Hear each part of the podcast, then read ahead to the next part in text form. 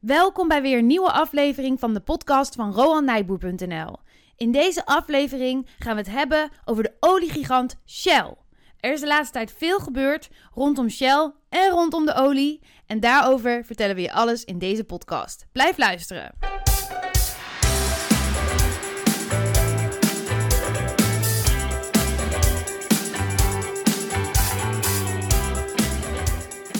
Ja, welkom. Mijn naam is Barbara. En ik ben nog steeds de Rowan. Ja, en Rowan, deze week gaan we het eindelijk hebben over Shell. Ja, we kunnen er niet langer omheen, denk ik. Nee, we hebben het een aantal keer eerder over gehad om, om het over Shell te hebben. Want er gebeurt zoveel de afgelopen tijd.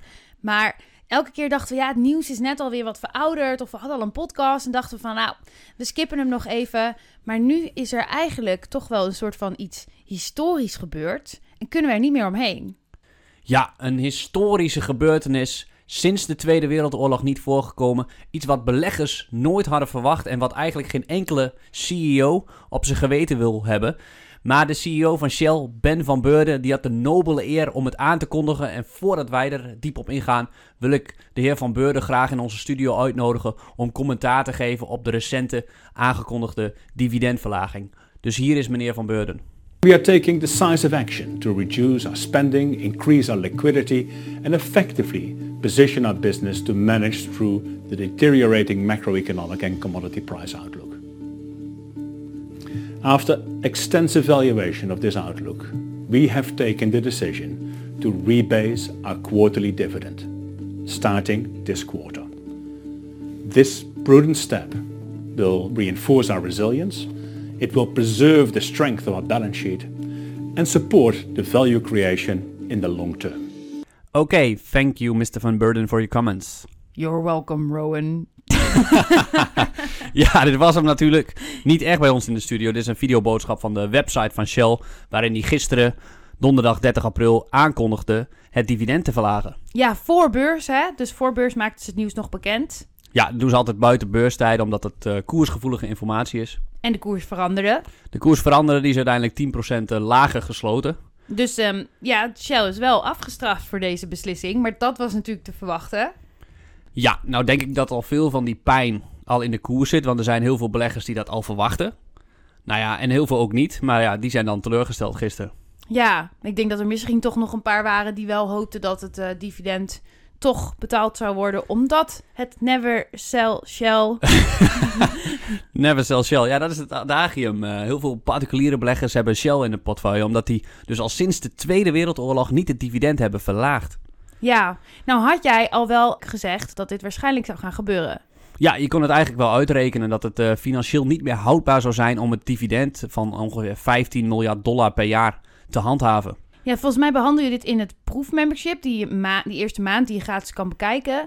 En we hebben ook een leuke podcast over dividend, dividendrendement ook. Als je daar meer over wil weten, daar gaan we dus dan nu niet uitgebreid op in. Dan raden we je aan om die te luisteren. Dan leggen we precies uit hoe dat werkt.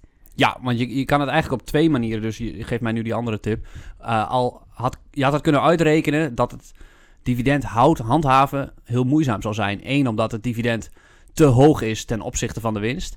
En twee, omdat het dividendrendement, wat we dus in die podcast bespreken, wat jij noemt, 10% was. En dat is iets, ja, er is een vuistregel. Als het boven de 5% is, nou dan kan het nog wel eens de vraag zijn of het dividend houdbaar is. Ja, maar daar wordt het wel allemaal heel ingewikkeld van. Daar gaan we nu niet weer op in. Oké, oké. nou, de reden dat we even dit stuk wouden laten horen van de CEO is omdat het fascinerend is om te horen hoe zo'n man dan spreekt over deze gebeurtenis. En om even nog wat te herhalen: they take decisive action to reduce spending, increase liquidity. Dus kosten omlaag en cashflow, de kaspositie versterken is natuurlijk nog wel dan onduidelijk hoe je dat precies gaat doen op dit moment. Ja. Effectively position our company to manage through the deteriorating macroeconomic and commodity price outlook. Ja, wat veel moeilijke woorden. Uh, ja, ja, ja, en veel vager woorden ook naar mijn idee. Ja, hele algemene, hele algemene woorden. Maar natuurlijk het meest uh, opvallend voor deze boodschap was... We have taken the decision to rebase our quarterly dividend starting this quarter. Yes. Rebase. Rebase. Een beetje zo'n uh, zo'n lief woord voor... Uh, ja, sorry, we verlagen het dividend uh, met, wat is het, twee derde gewoon. Ja, per, PR gezien fantastisch. Ja, ja, ja, zo lijkt het mee te vallen. rebase, rebase. Ja, rebase. Het is niet, eh, we hoeven niet te verlagen. Er is niks ernstigs aan de hand. Het is gewoon een rebase. Ja, ja. Ja. En eh, er zijn van allerlei in beleggerstaal zulke woorden van eh, rebase. Je hebt ook bijvoorbeeld eh, challenging eh, market eh, circumstances. Dat betekent het gaat hartstikke slecht. Had je hier niet een boek over gelezen van de soort van de geheime taal van... Ja, Investing Between the Lines van eh, Rittenbach of Rittenberg. Die eh, dan, ja, hoe, hoe moet je tussen de regels door luisteren en lezen eh, wat ze bedoelen.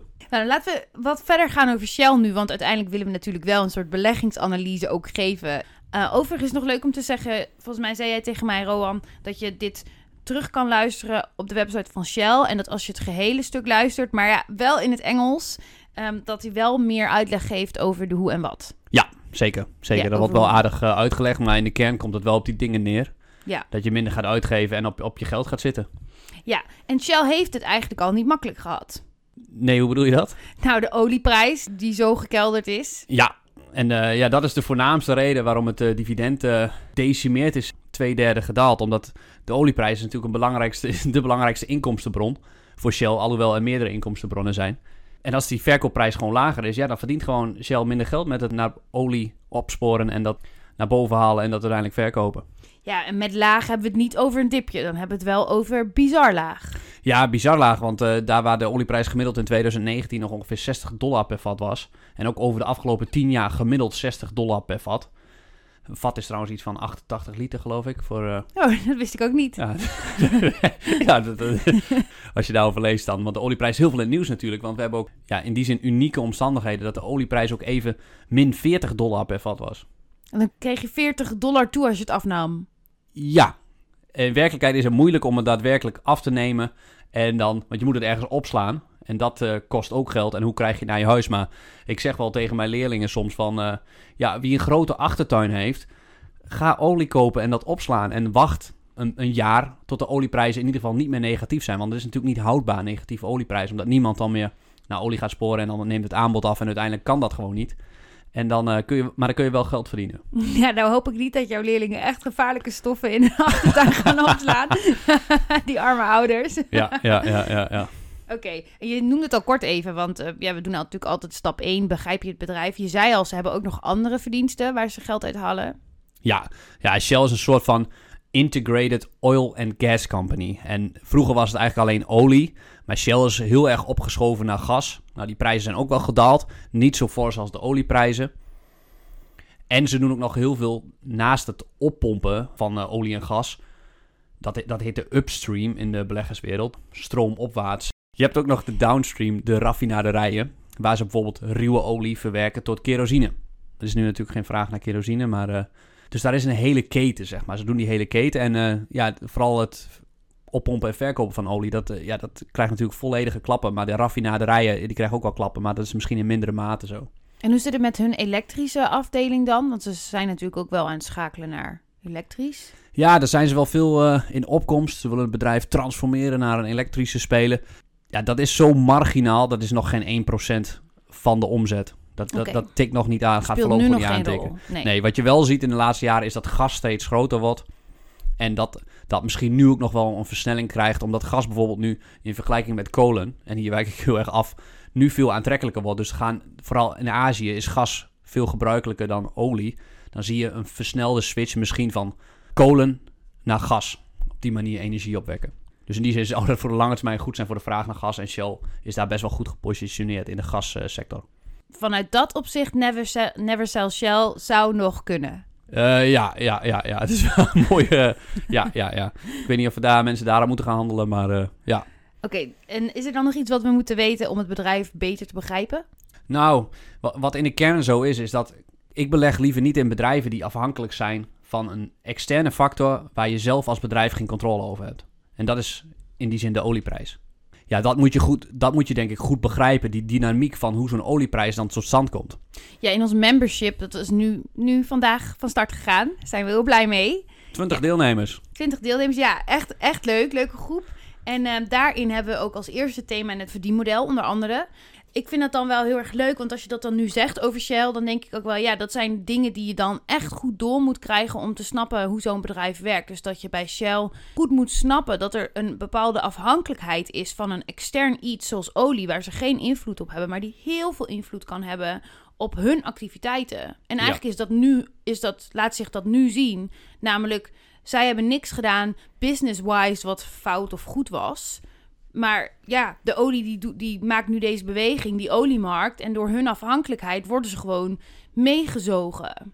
Exact. Aan de andere kant kun je dat natuurlijk zeggen met het coronavirus nu, dat andere bedrijven dat ook hebben. Dat klopt. Nee, je bent altijd afhankelijk van bedrijf, maar daarom moet je ook in je, in je portefeuille eh, diversificeren, om maar zo'n eh, beleggerswoord te gebruiken, maar een goede spreiding aanbrengen. Ja. Wat, wat bij Shell dan qua begrip denk ik ook heel belangrijk is, en dat zeiden ook in het membership, is dat als de olieprijs met 10 dollar per vat daalt, en die is dus gedaald van 60, nou ja, wat is het nu, 30, dus met eh 30 dollar, elke 10 dollar daling kost Shell 6 miljard aan winst. Ja, en op die manier, door dat te begrijpen, kun je al vrij snel uitrekenen ja, dat het dividend niet meer betaald kan worden. Want de winst was vorig jaar met goede olieprijzen nog iets van 15 miljard dollar. En nu door die, alleen die daling al van 30 dollar van de europrijs, ja, dan daalt de winst al met eh, 3 keer 6 miljard, 18 miljard. En blijft er dus niks over. Ja, vind je dit nou interessant? Check dan het gratis membership gedeelte, want daar leg je het heel uitgebreid uit, hè? Ja, en kunnen mensen nog meedoen trouwens, als ze dat willen? Ja, je kunt je registreren tot eh 10 mei. Ah. Dan kan je nog meedoen en dan sluit de inschrijving. Maar ik bedoel, ik zou het niet laten liggen dat je de gratis content kan bekijken van het proefmembership. Ja, dat kan je gewoon doen, ja. ja. Is altijd winst. Ja. Oké, dat was denk ik begrijpen. Ja. Wij denken nu dat we Shell begrijpen. Ja, maar begrijpen, wat is begrijpen? Hè? Want het is zo'n groot bedrijf. ja. In sommige landen waar je zaken doet, dat, daar gaan gewoon zaken op een andere manier. En daar, eh, ja, daar wordt, daar wordt dat soms een beetje aangepast. Ja, daar moet je ook mee, eh, mee omgaan. Maar goed, voor nu, vanuit be- beleggingstermen, laten we zeggen dat we in de grote lijnen begrijpen hoe en wat met Shell. Ja. Dan komen we bij het management. Oh, Komen we weer bij onze grote vriend. zullen we hem nog even bijhalen? nee, eh, ja, wat, wat valt erover te zeggen? Op, op zo'n groot bedrijf is het management misschien in die zin minder van belang. Wat, wat kan één individu doen? En bovendien heb je dus als management niet eh, je belangrijkste inkomstenbron, de prijs daarvan heb je niet onder controle. Dus hoeveel kan je, als je nou fenomenaal management, hoeveel kan je dan een verschil maken? Is het echt zo dat je dan geen, controle, geen enkele controle kan uitoefenen op die olieprijs als Shell zijn? Want je bent zo'n gigaspeler in zo'n markt. Ja, maar toch als je het... eh, er worden in de wereld ongeveer 100 miljoen vaten geproduceerd per dag. Ik weet niet precies wat Shell doet, maar dat is, dat is een paar procent. Oké. Dat is een paar procent. Dus En die dat zin, is ook wat je nu ziet met wat er met die olie gebeurt. die olieprijsdaling. Ja. Ja. ja, en dat is voornamelijk door de, door de onbalans tussen het aanbod en de vraag. Het aanbod kun je niet zomaar heel snel afschroeven. Dat wordt nu wel langzaam gedaan, omdat ja, de aanbieders, zoals Shell, die, die verdienen niet genoeg en gaan dus niet meer zoeken naar nieuwe olie. En, maar bestaande olieputten, die kun je niet zomaar uitzetten in dat opzicht. Dus de olie aanbod blijft nog op peil, terwijl de vraag instort en dan dondert de prijs in elkaar. Ja, ik hoorde daar ook een interview over op de radio. En die vrouw zei ook van, het klinkt heel makkelijk, van doe de kraan even dicht.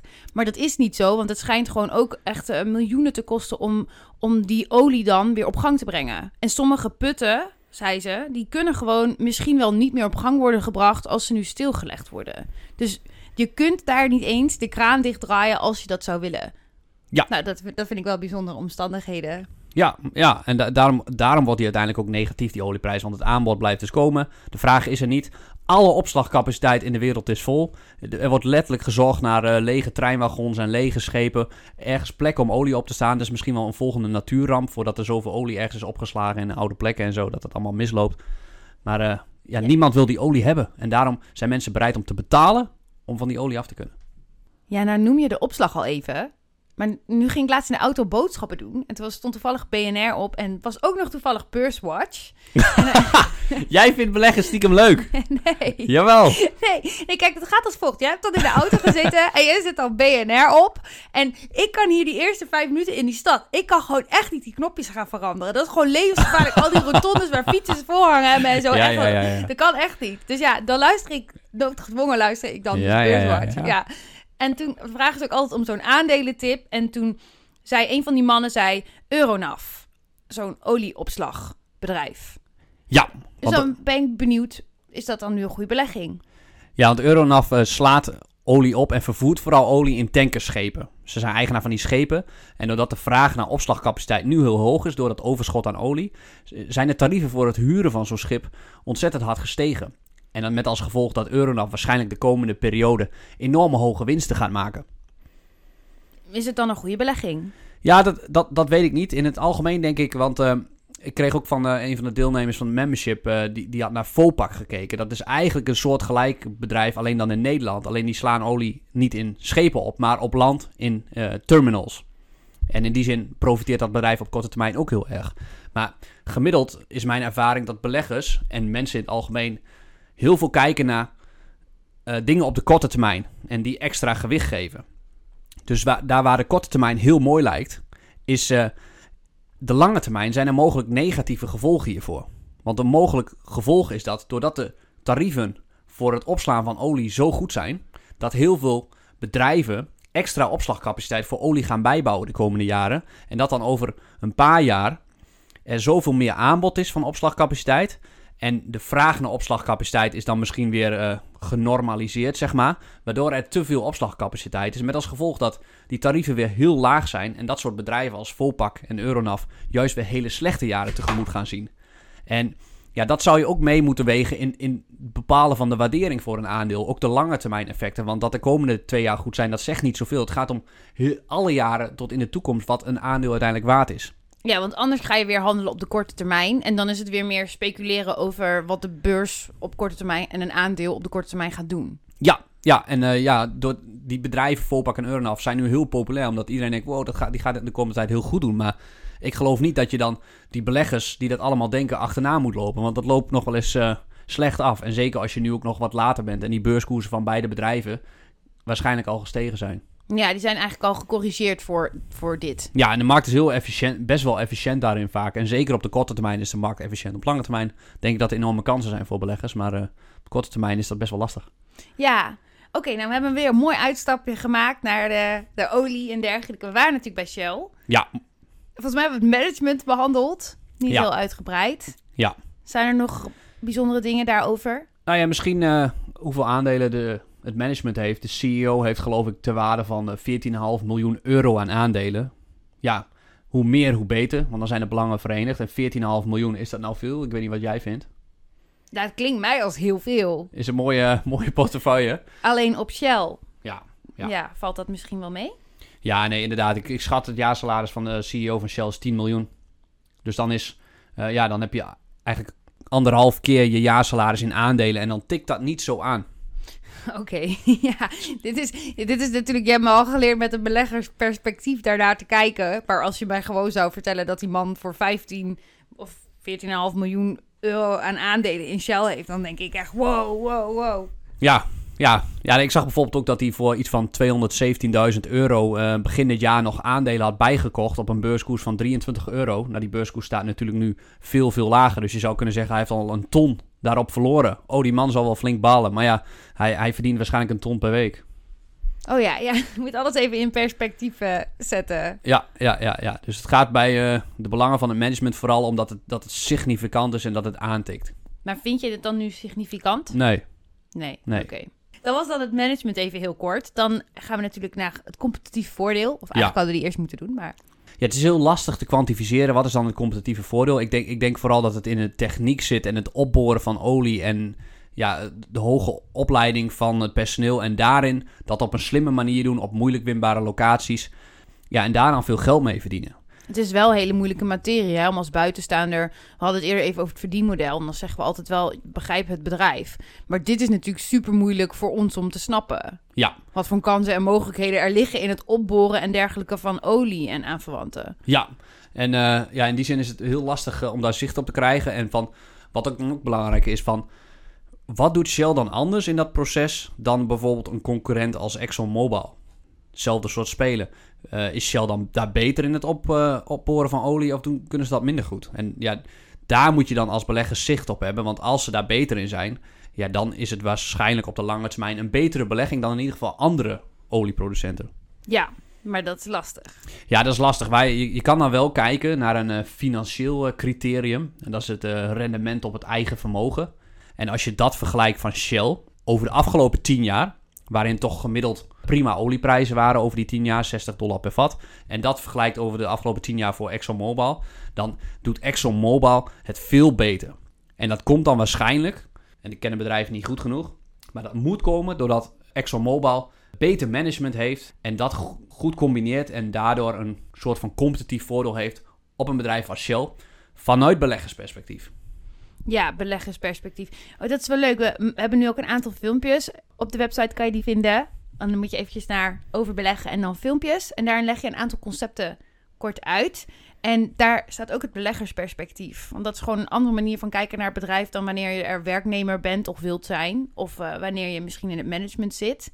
Dat is wel leuk. Als je dat leuk vindt, dan eh, raad ik zeker aan om daar even te gaan kijken. Of als je een keer een onderwerp hebt dat je leuk vindt dat we wat uitleg over geven daar. Gaat dan om een korte uitleg, want een lange uitleg doen we natuurlijk hier, zoals je hoort. Nu we heel lang aan het praten zijn.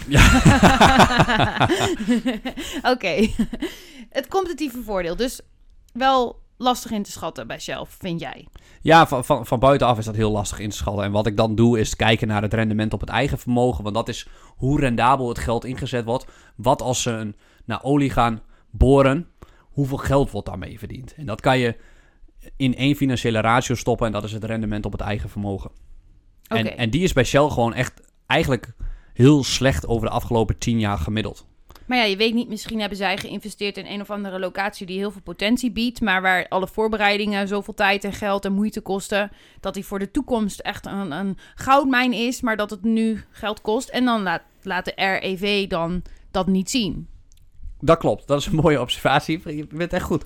Eh, ja, zeker. Dus heel veel eh, bedrijven die heel weinig winst maken, zoals Amazon bijvoorbeeld, die hebben een laag rendement op het eigen vermogen, maar doen gigantisch slimme investeringen. Mogelijk doet Shell dat ook. De kans dat er bij Shell nu slimme investeringen zijn, is eigenlijk heel laag, omdat gewoon het, het marktklimaat voor Shell de komende jaren waarschijnlijk heel slecht gaat zijn. Ja, nu, maar dat was natuurlijk niet zo. Nee, dus daar hebben ze ook gewoon pech mee gehad. Want ze hebben ook bijvoorbeeld in 2016 een hele grote overname gedaan met British Gas. En dat leek toen misschien wel slim. Maar ja, nu achteraf is dat... eh, Ja, ze ach- altijd makkelijk praten achteraf, hè? achteraf dan, eh, dan was ik al een miljardair geweest. Maar ja, ja. Als Wist je ook eh, welk loterijnummer je moest Ja, kopen ja, en zo? ja, Ja, ja. En, eh, maar om even samen te vatten van... Kan dus niet zo zijn in jouw ogen dat Shell misschien nu al een paar pionnetjes op, zijn, op de juiste plekken heeft gezet... om voor de toekomst zichzelf iets heel moois te gunnen. Ja, daar zijn, maar daar zijn ze continu mee bezig. Maar daar is elk bedrijf mee bezig. En waar Shell eigenlijk ook alle projecten aan afmeet... van waar gaan we boren naar olie... want overal heb je verschillende kosten, verschillende risico's... maar dat meten ze aan van hoeveel rendement dat project verwacht op te leveren. En dat moet dan aan een minimum voldoen. En dan doen ze aannames over de olieprijs die daarbij hoort. Ja, dat, dat gaat nu allemaal lastig worden. Ja, en die aannames die gaan natuurlijk nu niet meer op. Nee, nee, nee, Nee. nee, nee.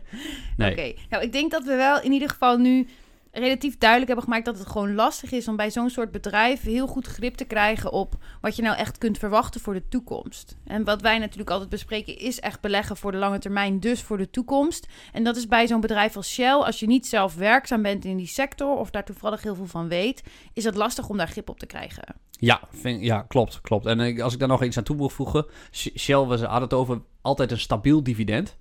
En ik vind dat in de kern, dat wil, wil de Shell ook uitstralen. Want uiteindelijk, alle Nederlanders beleggen in Shell. Al is het niet dat je zelf aandelen hebt, maar anders wel via je pensioenfonds. Die hebben allemaal aandelen Shell, profiteren van het dividend. En daarom wil Shell het dividend natuurlijk nooit verlagen.